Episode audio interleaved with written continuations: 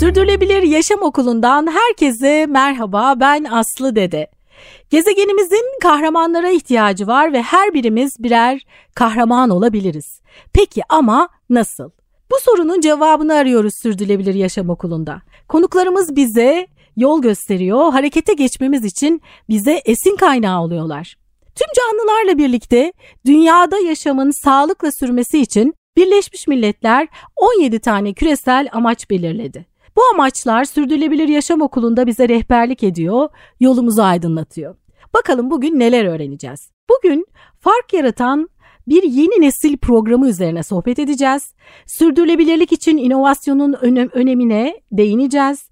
Yenilikçi çözümler üreten genç profesyoneller hakkında konuşacağız bugün. Peki kimle konuşacağız? Ee, Global Compact Türkiye Genel Sekreter Yardımcısı Gaye Sarıoğlu bugün stüdyomuzda. Hoş geldiniz efendim. Hoş bulduk. Çok teşekkürler aslanım. Efendim rica ederim çok merak ediyorum. Çok çok merak ediyorum. e, ne güzel ne güzel şeyler yapıyorsunuz. Ben genelde konuklarıma ilk olarak kişisel olarak sürdürülebilirlik sizin için ne demek diye soruyorum. Tabii kurumlardan gelen konuklarım kurumun bir sürdürülebilirlik tanımı var, verdiği öncelik var. Ona göre e, cevap da veriyorlar. Ama ben bu konuda çalışan kişilerin özellikle kendi kişisel yaşamlarında onlara göre sürdürülebilirliğin ne ifade ettiğini merak ediyorum. Çok kullanılan bir sözcük bilerek bilmeyerek pek çok kullanan var. E, dolayısıyla böyle hazır karşımıza bu konu için çalışan insanlar gelince onlar için kişisel olarak ne ifade ettiğini de biz merak ediyoruz. Tabii e, benim 5 yaşında bir kızım var. Kızımın dünyanın nimetlerinden faydalanmaya devam ettiği bir gelecek hayal ediyorum. Yani çok güzel bir dünyada yaşıyoruz. Çok güzel doğa harikaları var. Onun da bunları görebildiği, bunun keyfini çıkarabildiği ama aynı zamanda da bugünkü sorunlarla baş etmediği, bunlarla uğraşmak zorunda kalmadığı bir dünya hayal ediyorum. Örneğin işte eşim ve ben Karadenizliyiz. Mümkün olunca sık sık oraları ziyaret etmeye çalışıyoruz ve her sene orada e, oralardaki tahribatı maalesef gözlemliyoruz. Kızımın ileride de e, ülkemizin böyle bu güzel köşelerini görebilmesini, keyfini çıkarabilmesini istiyorum. Ama aynı zamanda da işte bu eşitsizlikler, toplumsal cinsiyet eşitliği gibi günümüzün sorunlarını onun e, deneyimlememesini hayal ediyorum. İşte e, tüm bu hayali aslında gelecek tüm nesillere uyguladığımızda da benim için sürdürülebilirliğin tanımı ortaya çıkıyor. Ne kadar güzel. Benim de aslında konuklarım hep böyle kendilerine göre tanımlıyorlar. En çok hoşuma gidenlerden biriydi. Nesiller arasındaki adaleti sağlamak aslında sürdürülebilirliğin tanımı demişlerdi. Çok da seviyorum. Sık sık da söylüyorum. Peki e, Global Compact için sürdürülebilirlik ne demek? Ya da Global Compact Türkiye için? Burada zaten hani kurumsal çeşitli tanımlar var. Ee, ama bizler özellikle e, 2030 yılında biliyorsunuz sürdürülebilir kalkınma amaçları ortaya kondu ve daha adil ve yaşanılabilir bir dünya e, için e, nelerin gerekli olduğu tanımlandı Birleşmiş Milletler tarafından. Bunun için gerekli aksiyonların bugünden alındığı ve tüm paydaşların işbirliği içerisinde bu yolda somut adımlarla en hızlı bir şekilde aksiyona geçtiği bir e, dünyayı e, hedefliyoruz. Bunun için çalışıyoruz diyebilirim. Ne kadar güzel anlattınız. Çok teşekkür ederim. Harika söylediniz. E, gayet güzel böyle açıklayıcı duyanlar için e, çok iyi oldu. Dinleyenler için. Peki e, UN Global Compact ve Türkiye Yerel Ağı'nın kuruluşunu merak ediyoruz. Hangi amaçla, ne zaman kuruldu ve bugüne kadar e, neler yaptığı, üyeleri kim bunların hepsini merak ediyoruz. Peki memnuniyetle. UN Global Compact 1999 yılında dönemin BM Genel Sekreteri Kofi Annan'ın aslında genel kurulda bir iş dünyasına çağrısıyla başlamış bir inisiyatif. Kofi Annan şöyle dedi, sürdürülebilir kalkınmaya ulaşmak için iş dünyasında katkısı önemli. Buyurun siz de bu masanın etrafına gelin ve kendi prensiplerinizi belirleyin ve küresel piyasalara insani bir bakış açısı kazandırın dedi. Ve bu çağrıya cevap veren dönemin lider şirketleri bir araya geldiler ve Global Compact'in 10 ilkesini be- e, belirlediler. Bu 10 ilkede insan hakları, çalışma standartları, çevre ve yolsuzlukla mücadele alanlarında iş dünyasının nelere uyması gerektiğini belirten prensipler. Global Compact'e imza atmak demek, bu 10 ilkeye uygun iş yapacağını şirketin en üst seviyesinden taahhüt etmek demek. Ve bu 10 ilkenin de yine iş dünyasında yaygınlaştırılması için çaba sarf etmek demek. Ve her ilerlemeyi de her sene yapacağımız raporlamayla kamuoyuyla şeffaf bir şekilde paylaşmak demek. 2000 yılında böylelikle UN Global Compact hayata geçti. Türkiye'de ilk imzacısı 2002 yılında oldu. E, ve ardından da 2006 yılında e, birçok büyük şirketin imzalamasıyla ivme kazandı. E, o dönemde birçok kuruluş Global Compact'te, UN Global Compact'te ev sahipliği yaptılar. 2013 yılı itibariyle de e, TÜSİAD ve TİSK ortaklığında bir platform oluşturuldu. E, sekreteryasına TÜSİAD destek verdi ve şimdi de çok yakın bir zamanda e, yeni yıla girerken de bağımsız bir dernek e, oluyor Global Compact Türkiye. Böylelikle de bu müjdeyi de vermiş olayım. Oo, bu da güzel yeni bir haber benim için. Evet, evet. e, evet. Amacı ne? Biz e, yani UN Global Compact sürdürülebilir ve kapsayıcı bir küresel ekonominin yaratılması için iş dünyasında sorumlu uygulamaları teşvik etmeyi amaçlıyor. Ve bunun için de şirketleri bu 10 ilke çerçevesinde sürdürülebilirlik uygulamaları nasıl geliştirebileceklerine dair destekliyor. Nasıl destekliyor? E, bilgi ve kapasitelerini artıracak e, kaynaklar, araçlar, programlar geliştiriyor. İşbirliği platformu sunuyor. Hepsinden belki de önemlisi. Ve dünya genelinde 69 ülkede yerel ağ var ve bu yerel ağlar vasıtasıyla bu değer önergesine ulaştırıyor. Ve aynı zamanda da bu yerel ağlarla birlikte hem yerel önceliklere, ihtiyaçlara cevap verebiliyor ve yerelde de işbirliğini teşvik ediyor üyelik e, kriterlerinden bahsedebilirim evet, evet, evet, arzu evet. edersiniz. Bu arada ben internet sitesine baktığımda şöyle e, bir e, şey vardı e, söylem. Dünyanın en büyük kurumsal sürdürülebilirlik inisiyatifi olarak e, Doğru. gerçekten çok önemli bir görevi var aslında misyonu var değil mi inisiyatifin? Doğru şu anda dünya genelinde 17 bin üzerinde şirket imzacısı var e, ve bu şirketler her sene e, raporlama yapıyorlar. Yani Global Compact'ın web sitesine girdiğimizde bu raporlara ulaşabiliyoruz. E, bu anlamda e, evet dünyanın en büyük sürdürülebilirlik platformu diyebiliriz. E, Türkiye'de de 334 şirket UN Global Compact imzacısı. Global Compact'te sadece şirketler değil, şirket dışı kuruluşlar da imza atabiliyorlar. Sivil toplum kuruluşları, e, iş dünyası örgütleri, akademi kuruluşları gibi ve onlar da yine bu misyonda bir misyonun yerine getirilmesinde e, iş dünyasını destekliyorlar aslında ve böylelikle de tüm paydaşları bir masanın etrafında bir araya getiriyoruz diyebiliriz e, tüm bu çalışmalar için. Türkiye'de e, biz üye sayımızla şu anda bölgemizin en büyük yerel ağıyız. Aa, ne güzel. Ee, Avrupa'nın da en büyük 8. yerel ağıyız. Peki farklı farklı yani hem şirketler hem sivil toplum kuruluşları e, belirttiniz üye olabiliyor e, Global Compact'te. E, koşullar neler? Yani bir şirketsem geldiğimde ya da bir STK olarak geldiğimde farklı koşullar var mı? E, hangi süreçlerden geçiyoruz üye olmak için? Öyle herkes üye olamaz herhalde. UN Global Compact'te e, imza aslında atmak için biraz önce bahsettiğim 10 ilkeye şirketin en üst yönetimi yani CEO'su veya YK başkanı seviyesinde e, açık bir taahhüt mektubu isteniyor. Birleşmiş Milletler Genel Sekreterine hitaben ve ardından da çeşitli incelemeler yapılıyor e, şirketin e, uygunluğuyla ilgili. Ama sürdürülebilirlik yolculuğunun neresinde olursa olsun en başında da olabilir, çok ileri bir seviyesinde de olabilir. Her şirket UN Global Compact'te bu 10 ilkeye taahhüt verdiği müddetçe e, imza atabilir, başvurabilir. Kriterimiz neler? Aslında bu 10 ilkeye uygun iş yapmak ve neler yaptığında her sene raporlamak. Raporlama yapmayan şirketler üyelikten düşürülüyorlar. E, şeffaflık çünkü çok önemli ve ilerlemeyi ölçmek bizim açımızdan çok önemli. Aslında bu kadar basit. Peki bu rapordan kastettiğimiz nedir? Yani size verdikleri özel bir rapor mu var yoksa genel olarak sürdürülebilirlikle ilgili uluslararası onaylı herhangi bir raporu sunuyor olmaları yeterli mi? Aslında bu seneye kadar e, Evet bu 10 ilkeyi içeren oradaki e, uygulamaların içeren her raporu yükleyebiliyorlardı. Bu sene itibariyle raporlama sistemimiz değişti. Ve çünkü dünya genelinde tüm şirketler arasında karşılaştırılabilir ve toplu bir veri elde edebilmek için bir e, anket formuna dönüştürüldü ve bu anketlere cevap veriyorlar ve ilerlemelerini de her sene yine aynı anket üzerinden raporluyorlar. Böylelikle biz de e, karşılaştırılabilir bir veri elde ediyoruz. Bu sene itibariyle yeni bir raporlama sistemine geçtik. Çok güzel. Özellikle bu raporlamalar hedef koyma açısından, aksiyona geçme açısından gerçekten çok motive edici oluyor. evet, kesinlikle. Yani raporlamak için yapıyorsunuz. Hani tabii ki raporlamak için yapmayalım, yapalım yani. Ama en azından bizi bize bir hedef gösteriyor, bize bir yolumuzu aydınlatıyor. O yüzden raporlar gerçekten çok değerli.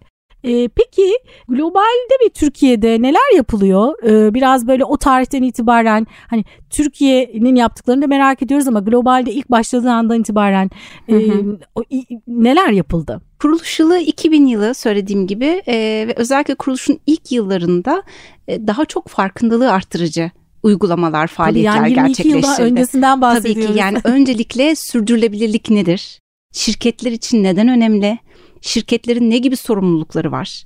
Ee, ne gibi riskler ve fırsatlar barındırıyor? Bunları anlatmak gerekiyordu. Raporlama alışkanlığı yaratmak gerekiyordu özel sektörde. Ee, geldiğimiz noktada aslında bu konuda oldukça yol kat ettik diyebiliriz. Yani hem üye sayıları hem e, tüm dünyada raporlama sistemlerinin gelişimine baktığımızda e, bu anlamda aslında iyi bir pratik oluştu. Ama biliyorsunuz sürdürülebilir kalkınma amaçları 2030 yılını hedefliyor ve bizim artık 7 yılımız kaldı. Evet. Ve ne yazık ki bu hedeflere ulaşma yolunda çok da yol kat edemedik. Bunun birçok nedeni var ama bir nedeni de verilen taahhütlerin eyleme dönüşmemesi. O yüzden de Global Compact'in artık yeni dönem stratejisi somut adımlar atılmasını desteklemek. Yani şirketlerin e, sürdürülebilir kalkınma amaçları yolunda somut hedefler belirlemesi, aksiyon planlarını hazırlaması ve ilerlemelerini raporlamaları. Tabii bu her zaman çok kolay olmayabiliyor. E, sürdürülebilir kalkınma amaçları çok geniş bir ajanda biliyorsunuz. Çok iddialı bir ajanda ve bir şirket tek başına hani bu ajandanın ben neresindeyim? Nereye katkı verebilirim? Benim ne gibi bir etkim olabilir? E, bu yolu bulmakta bazen zorlanabilir kimi şirketler. Orada da Global Compact devreye giriyor. Ee, öncelikle bu konuda şirketlerin bilgilerini ve kapasitelerini artırıcı programlar, öz değerlendirme araçları, raporlar, online eğitimler gibi e, araçlar sunuyoruz. Ardından şirketlerin somut hedefler belirlemelerini sağlayan hızlandırma programları var. Bu programlara katılan şirketler o süreç boyunca o alanda nasıl hedef belirleyebilir? O hedefe gidecek aksiyon planını nasıl hazırlayabilir? E, ve ilerlemesini nasıl raporlayabilir? Bunları öğreniyorlar. E, raporlama eğitimleri de veriyoruz aynı zamanda. E, ve en önemlisi de aslında şirketlerin birbirlerinden öğrenecekleri deneyim paylaşımı ortamları yaratıyoruz. Hem bu programların içerisinde hem de yerelde ve küreselde kurduğumuz deneyim paylaşım gruplarında şirketler hangi alanlarda zorlanıyorlar? Bu ve buradaki zorlukları nasıl aştılar? Bunları anlatıyorlar ve birbirlerinden öğrenmek gerçekten çok kıymetli. Bizler de Türkiye'de aslında bu misyonu Türkiye'deki şirketlerin somut aksiyonlarını e, teşvik edecek şekilde desteklemeye çalışıyoruz. 5 tane hızlandırma programı var UN Global Compact'in. 5'ini birden biz burada uyguluyoruz. Bunlar tüm sürdürülebilir kalkınma amaçlarının şirkete entegrasyonu ile ilgili bir program. SKA inovasyonu ile ilgili bir tanesi, toplumsal cinsiyet eşitliği, iklim hedefi hızlandırma ve insan hakları alanlarında programlarımız var. 6 ay ila 1 sene kadar sürüyor bu programlar. Bir nevi e, eğitim programı gibi düşünebilirsiniz. Bahsettiğim tüm bu alanlarda şirketler bu programların sonunda somut hedeflerini, aksiyon planlarını hazırlıyorlar. Bu programlara bu arada eş zamanlı olarak almak mümkün mü yoksa bir programı alıp bitirip bir sonraki bittikten sonra mı devam ediliyor? Her birinin farklı bir takvim dönemi var. Ee, biz zaten öncesine duyurup bir kayıt açıyoruz o takvim döneminde bir program devam ediyor. Yani aynı anda eş zamanlı 2 ila 3 program devam ediyor olabilir ama şirketler farklı ekiplerini yönlendirebiliyor.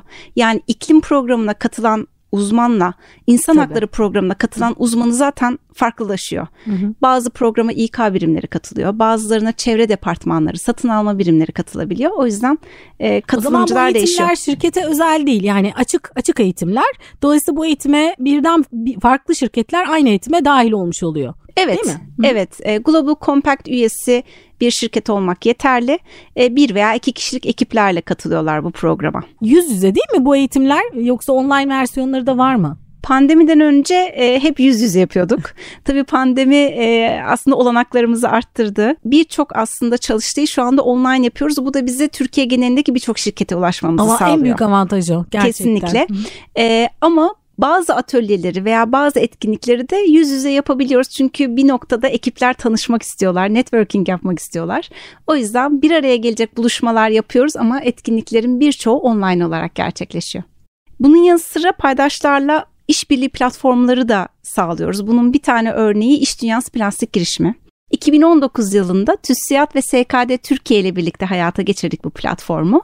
E, platformun amacı da plastik kirliliğiyle mücadele için iş dünyasında e, bir hareket ortaya çıkarmak. Bu girişime dahil olan şirketler 2023 yılına kadar plastik azaltım, kirliliği azaltım için taahhütlerini e, paylaşıp bu konudaki ilerlemelerini raporluyorlar. Şu anda girişime 51 e, şirket katıldı. Bunların 42 tanesi de taahhütlerini açıkladılar. Plastik azaltım taahhütlerini. E, bu sene e, bu konudaki ilerlemelerini raporladılar. Toplamda 44 bin ton azaltım e, taahhütü verilmişti. Bunun %40'ı bu sene itibariyle gerçekleştirildi bu taahhütlerin. Çok iyi. E, önümüzdeki seneye kadar da %100'ünün gerçekleşmesini hatta belki de daha da fazla taahhütün de üzerine geçen e, bir plastik azaltımı hedefliyoruz. Bu rapora da yani ilerlemelerini raporladıkları e, plastik gelişimi raporuna da internetten ulaşabilirler. Evet internetten e, nasıl ulaşacaklar? Bizim web sitemizden. web sitemizde bu- bunlara ulaşabilirler. Evet, evet. Zaten onun dışında pek çok fa- farklı bilgi e, ve veriye de ulaşmak mümkün siteden değil mi? Evet, tüm programlarımıza, çalışmalarımıza ve raporlarımıza web sitemizden ulaşabilir. Yani aslında üyelik koşullarını falan sorduk ama zaten hepsi hemen hemen Evet. orada detaylı olarak vardır ya da size ulaştıkları zaman zaten ayrıntılı bilgi de alacaklar. Evet. Peki şimdi e, sürdürülebilirlik için inovasyonun önemi buna biraz gelelim. Ve çünkü özel bir programdan bahsedeceğiz bugün. Sürdürülebilir kalkınma amaçları için inovasyon programı, SDG Innovation programı. Çok da heyecanlandım açıkçası bu programla ilgili bana bilgi geldiğinde. Sürdürülebilirlik için inovasyon çok çok önemli. Çünkü yenilikçi çözümlere gerçekten ihtiyacımız var değil mi? Kesinlikle. Kesinlikle yani biraz önce bahsettik sürdürülebilir kalkınma amaçları gerçekten çok iddialı bir ajanda ve bu ajandaya yenilikçi çözümlerle ve farklı bakış açılarıyla ancak ulaşabiliriz. E, Bir şirketin inovasyon yapmasının en temel motivasyonunu düşünürsek müşterilerin ihtiyaçlarına yenilikçi çözümler bulmak ve aynı zamanda da yeni pazar fırsatları elde etmek aslında. Sürdürülebilir kalkınma amaçları bize şu an dünyanın en büyük oranda ihtiyaç duyduğu e, şeylerin listesini veriyor. Bugünün sorunları, çözüm bekleyen sorunlarının bir listesi aynı zamanda. Detaylı da bir listesi yani. Kesinlikle. Ve o yüzden bu sorunların herhangi birine yönelik yapılacak yenilikçi bir çözüm aslında tüm dünyayı sizin pazarınız haline getiriyor. Çok geniş pazarlara ulaşma imkanınız var. Ve iş dünyası da inovasyon yapabilme kabiliyeti, kapasitesi, elindeki imkanlar ve bu inovasyonu ölçeklendirme kapasitesiyle SKA'lara çok ciddi bir fayda sağlayabilir. Ve SKA'lar da iş dünyasına yepyeni pazar fırsatları ve karlılık olarak e, yine fayda sağlayabilir. İnovasyon dediğimizde e, böyle yepyeni bir ürün ortaya çıkarmak olarak da düşünmek zorunda değiliz. Ürünlerimizde ve süreçlerimizde yapacağımız çok ufak yenilikçi çözümler hem çevreye, topluma hem de şirkete fayda sağlayabilir. Belki birkaç örnek vermek gerekirse bu bizim iş dünyası plastik girişimimizin raporunda olan örneklerden verebilirim. Ee, şirketlerin ambalajlama, depolama veya nakliye süreçlerinde yapacakları böyle ufak yenilikçi çözümlerle hem plastik atıklarını azaltabiliyorlar, karbon emisyonlarını azaltabiliyorlar hem de çok ciddi anlamda tasarruf, verimlilik elde ediyorlar. E, bu ve benzeri ufak çözümlerle tüm süreçlerimizi gözden geçirerek çok fazla belki de e, maliyet de yarat, yaratmadan kar elde edebiliriz ve e, yararlı çözümler ortaya çıkarabiliriz. İnovasyonu sadece çevresel olarak da düşünmeyebiliriz. Sosyal olarak da gerçekten çok faydaları var. Burada mesela bir örnek vermek gerekirse internet bankacılığının ilk ortaya çıkışı kırsal alandaki kişilerin e, bankacılık sistemine erişmesini sağlamak amacıyla. Çünkü banka yok birçok yerde. Bugün ama şu an hepimiz internet bankacılığını kullanıyoruz. E, ne kadar ölçeklenebilir olduğunu da buradan görüyoruz e, sürdürülebilir çözümlerin. Yine benzer şekilde günümüzün e, yeni nesil teknolojilerini kullanabiliriz. Bu teknolojileri zaten birçok alanda kullanıyoruz ama sürdürülebilir çözümler için de kullanabiliriz. Örneğin yapay zeka, nesnelerin interneti, işte drone teknolojileri gibi bunları kullanarak bugün birçok şirket işte lojistikte yol optimizasyonu sağlıyor ve çok ciddi hem verimlilik sağlıyorlar hem de karbon emisyonlarını azaltabiliyorlar. Veya bu drone teknolojisi ve akıllı çözümlerle yapay zeka ile işte akıllı tarım uygulamaları yapıyoruz ve çiftçilerin de gelirlerini artıracak, bu anlamda toplumsal bir fayda sağlayacak çözümler ortaya çıkmış oluyor. E, o yüzden de bu e, yeni teknolojileri de bunlar için kullanabiliriz. Evet. SDG Innovation programı ne zamandan beri uygulanmaya başladı? Yani bu programdan biraz söz edelim. Gençler özellikle işin içinde e, hı hı. genç profesyoneller e, diyoruz özellikle. Evet. Onları özellikle bu konuya dahil etmek istediniz. Şimdi biraz yavaş yavaş bu programdan söz edelim istiyorum. Memnuniyetle 2019 yılında başladı bu program her sene tekrarlanıyor. E, Pandemiden program, hemen önce. Evet, evet. Hatta Pandemi de devam etti Programın mi? evet fiziki başladık e, ve programın yarısında online'a geçtik çok hızlı bir şekilde. E, dijital araçları tam anlatırken, yeni teknolojileri anlatırken e, bunları deneyimleme imkanımız oldu. Birebir içine e, düştünüz. Evet, evet. Program 35 yaş altı gençleri hedefliyor. Global Compact üyesi şirketlerin 35 yaş altı çalışanlarına yönelik bir program. Ama özellikle de ürün ve hizmet geliştirme süreçlerinden sorumlu. Yani ARGE, inovasyon, ürün geliştirme, pazarlama departmanlarını hedefliyoruz.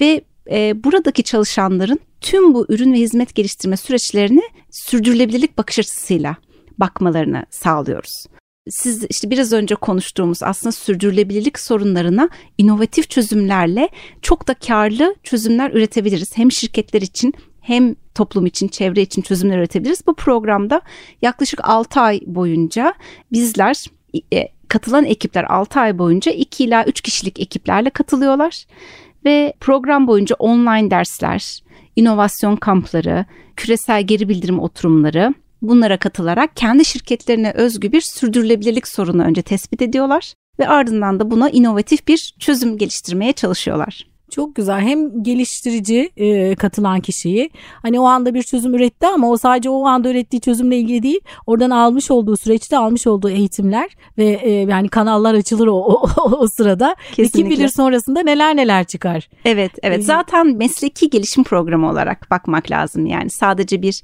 e, proje geliştirme. Proje oradaki öğrendiklerini pratiğe uyguladıkları bir çalışma gibi düşünebiliriz. Aslında tüm perspektiflerini değiştirmeye çalışıyoruz. Çok güzel. O zaman e, e, Global Compact Türkiye e, bu e, programı açıklıyor ve üye olan e, şirketler de kendi içinde herhalde duyurusunu yapıyor. Hı hı. O duyuru sonrasında eğer e, ilgisini çeken genç profesyoneller varsa e, şirket aracılığıyla programa dahil oluyor değil mi? Öyle mi işliyor süreç? Evet, evet. Hı. Aynen öyle. Biz başvuruları açıyoruz. Şirketler başvuruyorlar ve kimlerin katılacağını e, bize bildiriyorlar.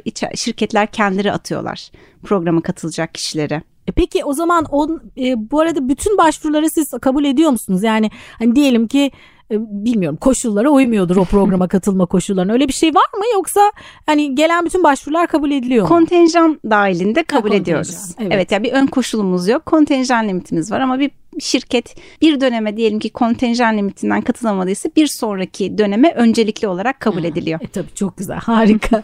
Peki e, bu süreç içerisinde program e, dahilinde ve son, sonunda e, genç profesyonellerden nedir beklediğiniz? Program boyunca katılımcılara çok çeşitli alanlarda aslında e, dersler ve vaka analizleri sunuluyor. Bunlar sürdürülebilir kalkınma amaçlarıyla ilgili öncelikle bir genel bilgi veriliyor ve iş dünyası açısından ne anlama geliyor. Ardından radikal inovasyon nedir? Tasarım odaklı düşünme nedir? Radikal iş modelleri, yine radikal teknolojiler ve bunların SKA çözümlerine nasıl uygulanabileceği bunları anlatıyoruz. Ve paydaş analizi ve işbirlikleri bu çok önemli bir elementi programın. Ve tüm bunları öğrendikten sonra kendi şirketlerinde bir sorun tespit ederek buna bir çözüm geliştirmelerini istiyoruz. Buradaki radikal iş modellerini, inovasyonu ve işbirliklerini kullanarak. E, kamplarda bir araya geliyorlar ve sürekli diğer takımlarla işbirliği yapıyorlar. Birlikte çalışıyorlar.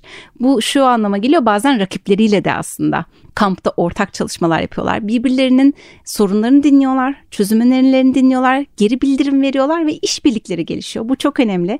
Bu program boyunca 3 senedir katılan şirketler arasında e, programdan sonra da devam eden işbirlikleri oldu. Ekipler birbirleriyle görüşmeye, fikir alışverişine devam ettiler e, işbirliğini sadece program katılımcılarıyla değil 16 ülkede e, uygulanıyor bu program. Diğer ülkedeki katılımcılarla da bir araya geliyorlar. Küresel geri bildirim oturumlarında. Ve burada benzer sorunlar üzerinde çalışan tüm dünyadan ekipleri bir araya getiriyoruz. Ve onlar da birbirlerinin projelerini dinleyip yine birbirlerine geri bildirim veriyorlar. Ve hatta e, programın dışında da görüşerek işbirliği yine yapıyorlar. Yine bir başka programın elementi de e, mentorluk sistemi. Program boyunca biz e, sosyal girişimciler ve inovasyon özellikle teknoloji girişimcileriyle e, bu girişimleri hayata getir, geçiren e, kuru, kurucularla e, eşleştiriyoruz katılımcıları, şirketleri e, ve bu çözüm geliştirme hem problem tespit etme hem çözüm geliştirme süreçlerinde bu girişimciler ekiplerimize yön gösteriyorlar. Ama burada karşılıklı bir öğrenme ve beslenme süreci oluyor. Sosyal girişimcilerde bir kurumsal yapıda bu konular nasıl ele alınıyor bunu görmüş oluyorlar özellikle katılımcılar açısından da biraz böyle kutunun dışında bakma dediğimiz perspektifi sağlamak istiyoruz. Bir kurumsal yapının dışında neler oluyor dış dünyada ve e, en güzel yanı da çok güzel işbirlikleri gelişiyor. Bu şirketler ve girişimler arasında e, bazen eşleşmeyen ekipler arasında bile oluyor. Yani bir araya getiriyoruz, networking e, etkinlikleri yapıyoruz. Farklı ekiplerle de tanışıyor mentorlar ve bu programın sonrasında da devam eden işbirlikleri oluyor. İşbirlikleri çok önemli zaten 17. amaç biliyorsunuz e, amaçlar için işbirliği. E, bu büyük sorunlarla tek başımıza mücadele etmemiz ve tek başımıza çözüm bulmamız çok zor. O yüzden de tüm paydaşların bir araya gelerek ortak bir çalışma yürütmesi lazım. E, tüm programlarımızda aslında biz bunu sağlamaya çalışıyoruz. Şirketlerin rakipleriyle bile bir araya gelerek ve inovasyon aslında bu anlamda işte çok önemli bir araç biliyorsunuz birlikte çalışmalarını, birlikte çözümler geliştirmelerini ve inovasyonu bu şekilde ölçeklendirmelerini e, hedefliyoruz. Bu programda o anlamda e, çok önemli. Günün sonunda çok güzel çözümler ortaya çıkıyor ama daha da önemlisi çok güzel işbirlikleri ortaya çıkıyor. Bu zaten benim 17 amaç içerisinde favorim 17. yani gerçekten e, e, zaten hani bütün e, sürdürülebilir kalkınma amaçlarını aslında belki de özetleyen ya da bizim için ne kadar önemli olduğunu anlatan belki de en önemli hepsi birbirinden önemli de aslında işbirliği çünkü ben geçen gün mesela lojistik bir çözüm ile ilgili bir lansman toplantısına katıldım basın lansmanına. E, oradaki parakende sektöründen birbirine rakip firmalar vardı ama bu lojistik e, çözümünün desteklenmesi için birlikte çalışıyorlardı. Orada da hatta dediler biz aslında birbirimizin rakibiyiz normalde sektörde parakende ama bu, bu konu başka. Gezegenimiz söz konusu olduğunda e, rekabetin çok üstünde e, bir yerdeyiz. Dolayısıyla birlikte üretmek için bir aradayız dediler. İşte bunları duymak gerçekten çok mutluluk verici. O yüzden çok iyi anlıyorum özellikle o konuyu e, belirtmiş olmanızı. Ayrıca sosyal girişimlerin bu şekilde desteklenmesi de çok çok önemli. E, geçtiğimiz podcastlerde Kusif'ten Gonca Hanım konuk olmuştu ve onu sık sık birçok yerde dile getiriyorum çünkü çok önemli bir şeye değindi. E, kurumlar sivil toplum kuruluşlarıyla çalışmaya alıştılar sosyal sorun projeleri kapsamında ama sosyal girişimlere biraz daha böyle çekinceli yaklaşıyorlar. E, çünkü daha henüz nasıl çalışacaklarını bilemiyorlar. E, oysa orada çok bir konuya özel e, önem vermiş, o konuya kendini adamış profesyonel girişimciler var, sosyal girişimciler var. E, o yüzden e, kurumlarla sosyal e, girişimlerin bir araya getirmesi de gerçekten çok çok değerli. Ne güzel. çok teşekkürler. Doğru. Peki. Ee, biraz aslında değindiniz ama belki bir şeyler eklemek istersiniz diye bunu sormak istiyorum. Sürdürülebilir kalkınma amaçları için inovasyon programı katılımcılara ve şirketlere neler kazandırıyor? Yeni işbirlikleri, yeni çözümler, hı hı, hı. mesleki gelişim dediniz. Evet. Var mı ekleyeceğiniz bunlara? Şirketler açısından e, aslında sürdürülebilirlik vizyonun e, şirketin birçok departmanına entegre olmasını sağlıyor. E, özellikle bu konular biraz daha yeniyken e, sürdürülebilirlik böyle daha çok iletişim, kurumsal iletişim, işte insan kaynakları gibi departmanların sanki sadece ele aldığı bir konu gibiydi. Ama aslında bizim hep söylemeye çalıştığımız sürdürülebilirliğin aslında tüm şirket çalışmalarına entegre edilebilmesi için ürün ve hizmet geliştirme süreçlerinin en başından bu vizyonun aslında oturtulması gerekiyor. O yüzden de bu program e, bu departmanlarda çalışan kişilere hedef alıyor ve orada bir e, farkındalık yaratmaya çalışıyoruz. Aslında benim gözlemlediğim kadarıyla da e, şirketin kendi iç yapısına, e, organizasyonel yapısına ve yaptığı işin konusuna göre görüyorum. Kimilerinde kurumsal iletişimde ba- bağlı, kimilerinde ARGE ile bağlantılı, kimilerinde kalite ile bağlantılı. Böyle farklı çözümler üretiliyor. Ama sonunda gidilecek nokta aslında hepsinden e, hepsinin katılımı ile olması ki ben gençlerle yapmış olduğum bir podcast'te de şöyle güzel bir örnek verdiler. mesela işte sürdürülebilirlikle ilgili bir kulüp varsa eğer üniversitede aslında biz diğer bütün kulüplerle işbirliği içinde çalışıyoruz. Çünkü hepsiyle bağlantılı bizim konumuz dediler. Aslında Kesinlikle. şirketlerde olduğu gibi üniversitelerde de aynı evet. şey geçerli oluyor. Yani bir şirketin DNA'sına zaten bu vizyon işlediği zaman herhangi bir departman artık bununla sorumlu olmuyor bu tüm çalışanların hatta tüm şirket çalışanlarının benimsediği bir duruş, bir vizyon oluyor. E, katılımcılar açısından zaten bahsettik. Çok e, geniş bir eğitim imkanı. 6 ay süren yoğun bir program. Ee, ve özellikle dediğim gibi bu e, mentorlarla işbirliği ve networking imkanı e, çok değerli. Bu programa katıldıktan sonra kariyer değiştirenler bile oldu. Yani bu işleri çok benimseyerek e, daha fazla sürdürülebilirlik alanlarına yönlenenler oldu veya e, şöyle yorumlar oldu. Ben o kadar artık bu konuyu benimsedim ki her önümüze gelen projeye tamam bunun sürdürülebilirlik yanı nerede diye soruyorum ve artık herkes beni kovalıyor e, diyen arkadaşlar oldu. E, biz hani bu şey diyelim virüsü diyelim kibarca e, yaymış oluyoruz bu arkadaşlara e, ve aslında programın amacı o kişiler nereye giderse gitsinler kariyerlerin her yerinde her aşamasında artık e, bu vizyonla ilerlemelerini sağlamış oluyoruz aslında duygusal bir bağ da e, sağlıyor. Çünkü hani hepimiz sonuçta ortak bir yuvayı paylaşıyoruz. Dünyayı, gezegeni ortak yuvamız bizim. Dolayısıyla hani bu insanların hani duygu, duygusal yanlarına da dokunuyor. E, o yüzden de daha da etkili oluyor diye düşünüyorum. Kesinlikle. E, zaten işte hep konuşuyoruz. Z kuşağı işte çok farklı artık daha e, bu tarz konulara daha duyarlı diye ve e, şunu da biliyoruz ki e, bu bizler için de geçerli bu arada. Ben sadece Z kuşağına atfetmek istemiyorum bunu. Herkes yaptığı işin değerli olduğunu hissetmek istiyor. Yani günümüzün yarısını neredeyse işe ayırıyoruz ve günün sonunda en azından hangi işi yaparsak yapalım dünyaya katkı sağlayan bir iş yapmak istiyoruz. Bir ürün üretiyorsak da bir hizmet sunuyorsak da e, illa sivil toplum kuruluşlarında çalışmak gerekmiyor bunun için. Aslında herhangi bir insanın ihtiyacına cevap veren bir ürün üretiyorsanız siz dünyaya bir katkı sağlıyorsunuzdur. Ama bunu belki de ne kadar az zararla yaptığınız da önemli aynı zamanda. E, o yüzden de e, çalışan motivasyonunu çok arttıran bir şey. Çalışan bağlılığını arttıran bir şey. Eğer e, bulunduğu kurumda güzel bir şey yaptığını hissediyorsa insanlar kesinlikle onları daha motive ediyor ve e, daha uzun süreli o kurumla e, çalışmak istiyorlar. E, tabii hepimizin en önemli sorusu e, ben bu dünyaya niye geldim? E, benim bu dünyada görevim ne? E, anlam arayışı içinde olduğumuz için gerçekten çok çok önemli konular bunlar. Peki bu program hangi ülkelerde uygulanıyor? Az önce biraz bahsettiniz ve globalde bugüne kadar nasıl sonuçlar alındı? Aslında Türkiye'de de 2009, 2019'da başladı dediniz. Burada da alınan sonuçlar var. Biraz da onları merak ediyoruz. Tabii 16 ülkede eş zamanlı olarak uygulanıyor program. Ee, belki birkaç e, çözüm yani çok tabii ki bunca zamandır çok güzel çözümler ortaya çıktı hem Türkiye'de hem dünyada. Ee, burada biraz şunu da görüyoruz ortaya çıkan çözümler gerçekten e, ülkelerin e, ihtiyaçları öncelikleriyle de bağdaşıyor. İşte örneğin Bangladeş'te e, daha az işlem gerektiren e, özel kumaşlar tasarlayan ve böylelikle daha az kimyasal kullanan ve e, kumaş atık kullanımını azaltan e, bir e, süreç geliştirdiler ve böylelikle de işte daha az su kullanımı, daha az karbon emisyonu e, sağlandı.